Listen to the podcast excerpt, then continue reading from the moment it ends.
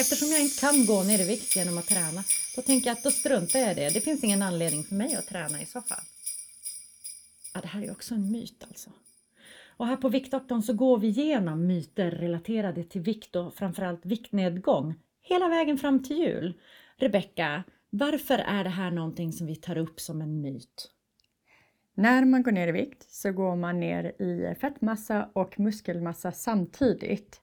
Ehm, och där det finns en risk då för att eh, man eh, kanske kan utveckla någonting som heter sarkopeni, så där man har en försvagad och förminskad muskelmassa. Eh, så vi vill skydda vår muskelmassa. Så inte bara behöver man äta protein utan vi behöver också då göra muskelstärkande aktiviteter.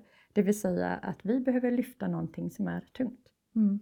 Så att egentligen om man då har gått omkring med en ganska stor eh, fettmassa, alltså rejäl övervikt, det vi kallar för obesitas, sjukdomen fetma, så kanske man från början inte har så mycket muskler att tala om för att man helt enkelt är för begränsad för att hålla på med fysisk träning i nuläget. Mm. Då är det ju alltså ännu viktigare mm. att börja träna under mm. viktnedgången om jag förstår dig rätt. Ja. Mm. Tyckte du att det här är lite spännande? Gå in på viktdoktorn.se, skriv upp det på listan, då får du ett mail varje morgon så du inte missar när vi går igenom någon av de här viktmyterna. För vi håller på hela vägen fram till jul. Alltså, tänk dig att det här är Viktdoktorns julkalender där vi slaktar en massa viktmyter.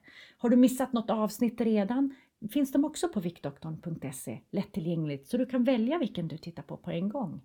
Eh, och vi ses imorgon igen. Mm. Och vi ser dig imorgon igen om du vill.